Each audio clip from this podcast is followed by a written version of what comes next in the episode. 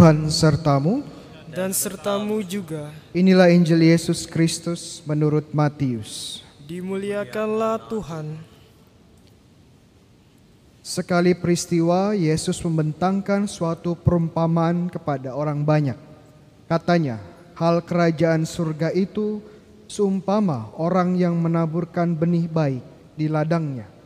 Tetapi pada waktu semua orang tidur, datanglah musuhnya menaburkan benih lalang di antara gandum itu, lalu pergi. Ketika gandum itu tumbuh dan mulai berbulir, nampak jugalah lalang itu. Maka datanglah hamba-hamba Tuhan ladang itu dan berkata kepadanya, Tuhan, bukankah benih baik yang Tuhan taburkan di ladang Tuhan? Dari manakah lalang itu? Jawab Tuhan itu seorang musuh yang melakukannya. Lalu berkatalah hamba-hamba itu, Maukah Tuhan supaya kami pergi mencabut lalang itu? Tetapi ia berkata, Jangan, sebab mungkin gandum itu ikut tercabut. Pada waktu kamu mencabut lalangnya, biarkanlah keduanya tumbuh bersama sampai waktu menuai tiba. Pada waktu itu aku akan berkata kepada para penuai, kumpulkanlah dahulu lalang itu dan ikatlah berbekas-berkas untuk dibakar Kemudian kumpulkanlah gandumnya ke dalam lumbungku. Yesus membentangkan suatu perumpamaan lain lagi kepada mereka. Hal kerajaan surga itu sumpama biji sesawi yang diambil dan ditaburkan orang di ladangnya. Memang biji itu yang paling kecil di antara segala jenis benih. Tetapi apabila sudah tumbuh, sesawi itu lebih besar daripada sayuran lain. Bahkan menjadi pohon sehingga burung-burung di udara datang bersarang pada cabang-cabangnya. Dan Yesus menceritakan perumpamaan lain lagi kepada mereka. Hal kerajaan surga itu sumpah ragi yang diambil seorang perempuan yang diadukan ke dalam tepung terigu tiga sukat sampai seluruhnya beragi. Semuanya itu disampaikan Yesus kepada orang banyak dalam perumpamaan. Ia tidak menyampaikan apa pun kepada mereka, kecuali dengan perumpamaan. Dengan demikian digenapilah firman yang disampaikan oleh Nabi. Aku mau membuka mulutku untuk mengatakan perumpamaan. Aku mau mengucapkan hal yang tersembunyi sejak dunia dijadikan. Maka Yesus pun meninggalkan orang banyak itu, lalu pulang. Para murid kemudian datang dan berkata kepadanya, Jelaskanlah kepada kami arti perumpamaan tentang lalang di ladang itu. Yesus menjawab, Orang yang menaburkan benih baik ialah anak manusia, ladang ialah dunia. Benih yang baik adalah anak-anak kerajaan, dan lalang adalah anak-anak si jahat. Musuh yang menaburkan benih lalang ialah iblis. Waktu menuai ialah akhir zaman, dan para penuai itu malaikat. Maka seperti lalang itu dikumpulkan dan dibakar dalam api, demikian juga pada akhir zaman. Anak manusia akan menyuruh malaikat-malaikatnya, dan mereka akan mengumpulkan segala sesuatu yang menyesatkan, dan semua orang yang melakukan kejahatan dari dalam kerajaannya. Semuanya akan dicampakkan ke dalam dapur api. Di sanalah akan terdapat ratapan dan kertak gigi pada waktu itulah orang benar akan bercahaya seperti matahari dalam kerajaan Bapa di surga. Siapa yang bertelinga, hendaklah ia mendengarkan. Demikianlah Injil Tuhan. Terpujilah Kristus.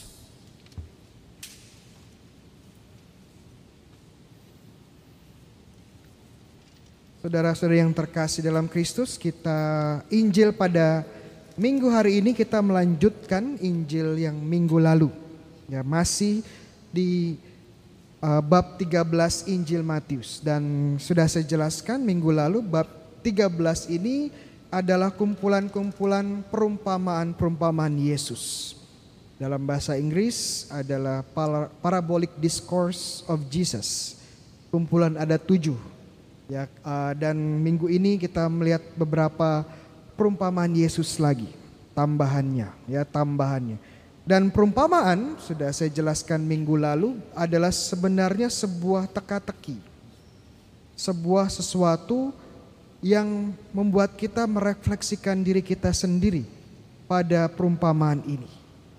Dan untuk menemukan kunci dari perumpamaan, kita harus melihat hal-hal yang tidak biasa, hal-hal yang mengejutkan.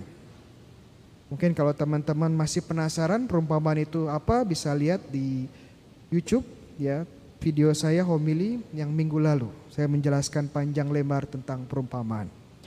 Nah, kira-kira kejutannya apa di sini? Ya mungkin karena kita sudah mendengarkan perumpamaan ini berkali-kali, setiap tahun mendengarkan perumpamaan ini dan sudah dijelaskan juga berkali-kali oleh banyak romo, mungkin kita tidak lagi mendapatkan sesuatu yang mengejutkan, sesuatu yang mencengangkan. Tetapi kalau kita mencoba mendengarkan untuk pertama kali dan kita berada di konteksnya para rasul di Palestina abad pertama, kita akan melihat beberapa hal yang menarik. Pertama, jika kita punya musuh atau jika kita menjadi orang yang ingin menghancurkan ladang gandum orang lain, sebenarnya ada beberapa cara yang lebih efektif untuk menghancurkan ladang tersebut. Contohnya, cukup membakar ya, membakar satu atau dua gandum dan dalam waktu singkat seluruh ladang akan menjadi lautan api. Karena gandum itu ya tumbuhan yang sebenarnya kering dan gampang terbakar. Itu lebih efektif ya menghancurkan ladang seseorang. Tetapi musuh ini, penjahat ini melakukan sesuatu yang tidak biasa.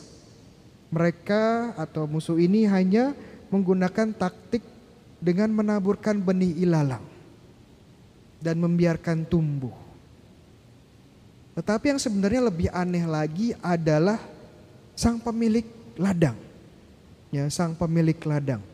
Waktu dia ditanya dan diberitahu bahwa ada ilalang di ladangnya, dia langsung menjawab bahwa ini karya musuhnya. Ini kerjaan musuhnya. Jadi sejak awal sebenarnya dia sudah tahu bahwa musuhnya akan melakukan hal itu. Tapi dia tetap biarkan saja. Dan yang lebih mencengangkan lagi, dia biarkan lalang ini untuk tumbuh.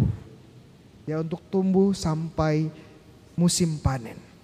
Nah kalau teman-teman ini petani ya biasa kerja di ladang di Indonesia contohnya petani ya padi kita tahu untuk hasil maksimal sebisa mungkin kita singkirkan semua hal entah itu hama, entah itu tanaman ilalang yang lain-lain yang akan mengganggu pertumbuhan padi tersebut.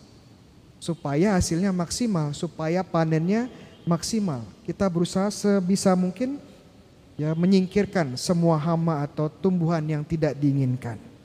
Tapi di sini agak aneh.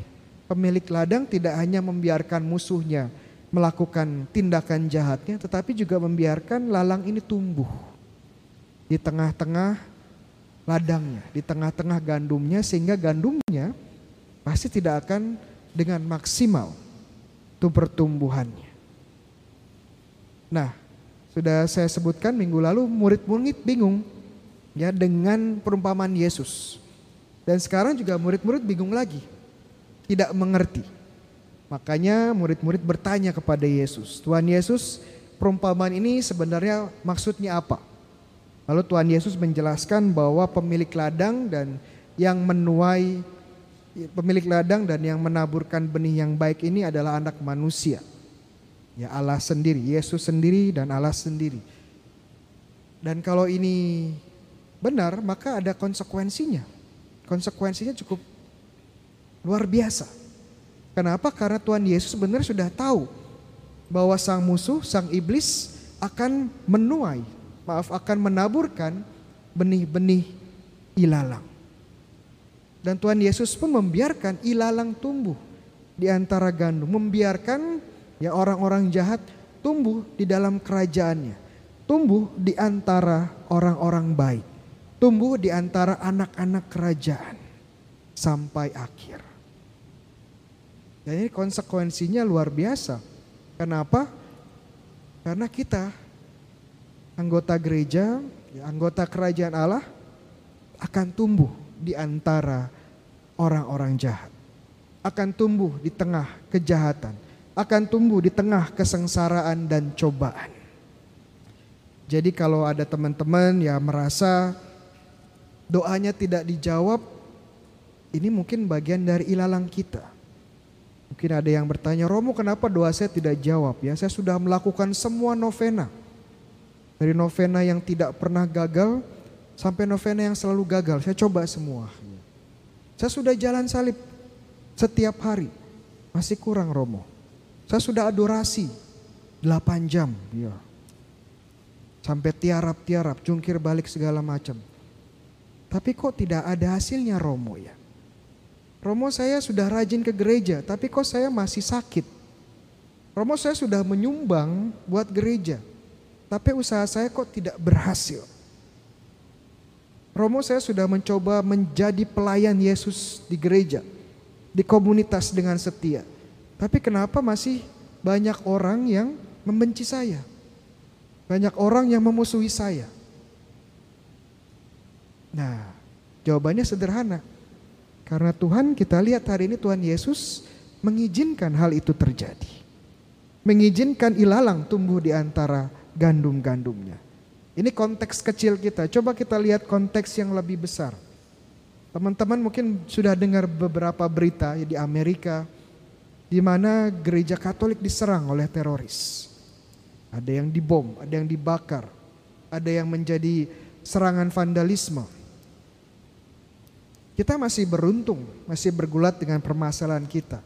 Di tempat lain, menjadi Katolik, menjadi Kristiani, sama saja dengan bunuh diri. Dan Tuhan mengizinkan hal ini terjadi.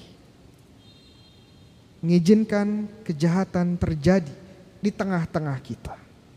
Mungkin sekarang kita bertanya banyak, Kenapa Tuhan membiarkan pandemi corona terus berlangsung? Susah, ya. Ada frater-frater di sini yang pengen cepat-cepat ke Filipina, melanjutkan studi mereka, melanjutkan formasi mereka.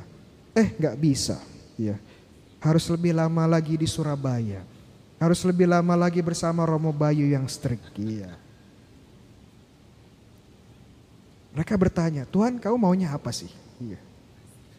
Ya Tuhan mengizinkan ilalang tumbuh di tengah-tengah kita. Pertanyaannya kemudian kenapa Tuhan mengizinkan ilalang tumbuh? Mungkin kita bisa melihat jawabannya dari Rasul Paulus. Rasul Paulus menulis di surat ke umat di Roma bab 828 dia menulis kita tahu sekarang bahwa Allah turut bekerja dalam segala sesuatu untuk mendatangkan kebaikan bagi mereka yang mengasihi Dia, yaitu bagi mereka yang terpanggil sesuai dengan rencana Allah. Semua hal, termasuk hal-hal buruk, termasuk ilalang-ilalang ini untuk kebaikan kita. Tapi kita masih protes mungkin, kebaikan macam apa ini? Ya, ya rasanya sakit, rasanya tidak enak, rasanya sengsara, rasanya menderita. Kebaikan macam apa ini? Ya mungkin dari perspektif kita manusia yang sangat terbatas yang hanya bisa melihat sekarang, merasakan sekarang ya ini tidak baik. Tapi dari perspektif Tuhan yang melihat semuanya ini bisa menjadi sebuah kebaikan yang luar biasa. Kebaikan yang luar biasa. Dan saya juga ingin mengajak teman-teman merefleksikan bahwa Tuhan Yesus memanggil gandum sebagai anak-anak kerajaan Allah. Anak-anak Allah. Dan kalau kita baca surat Ibrani bab 12 ayat 6. Ya, saya hafal kitab suci ya. Enggak ditulis di sini. Karena Tuhan mendisiplinkan orang yang dikasihinya. Dan ia menyesal orang yang diakuinya sebagai anak. Anak Tuhan harus siap disiplinkan Tuhan. Anak Tuhan harus siap disesah Tuhan.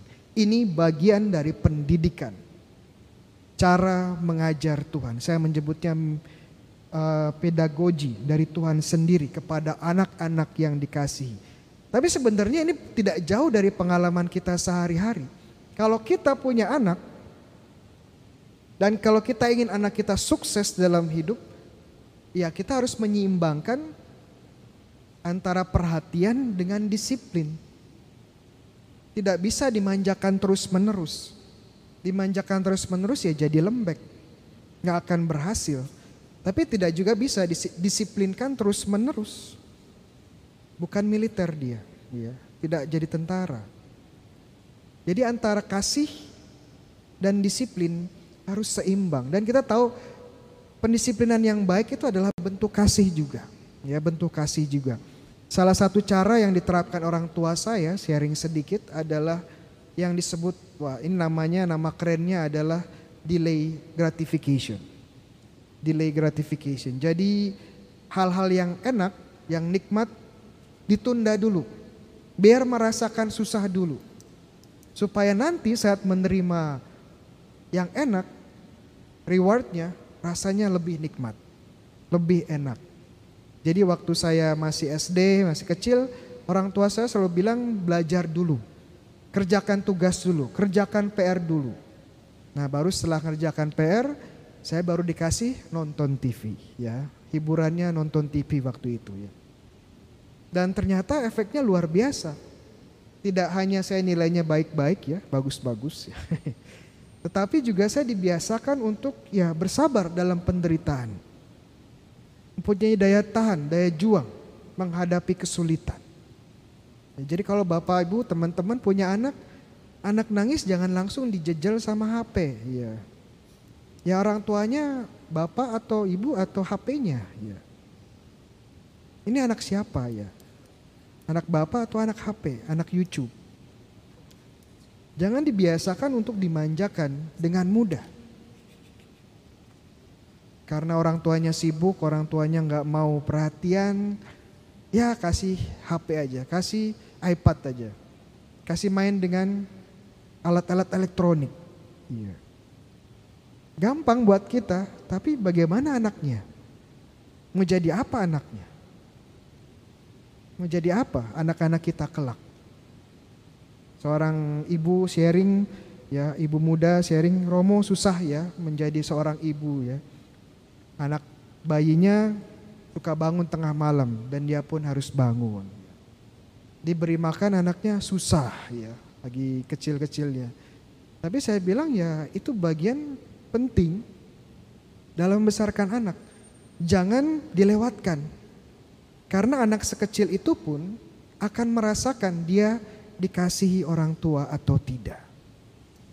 Dan kalau dia dikasihi, dia akan merasakan dia berharga dan kalau dia merasakan dia berharga, dia akan merasakan dirinya, waktu yang dia miliki, talenta yang dimiliki juga berharga. Sehingga dia tidak takut menghadapi hal-hal yang sulit di masa depan. Karena dia tahu dia berharga. Karena dia tahu dikasih. Ini bagian dari rencana Tuhan untuk mendidik anak-anaknya.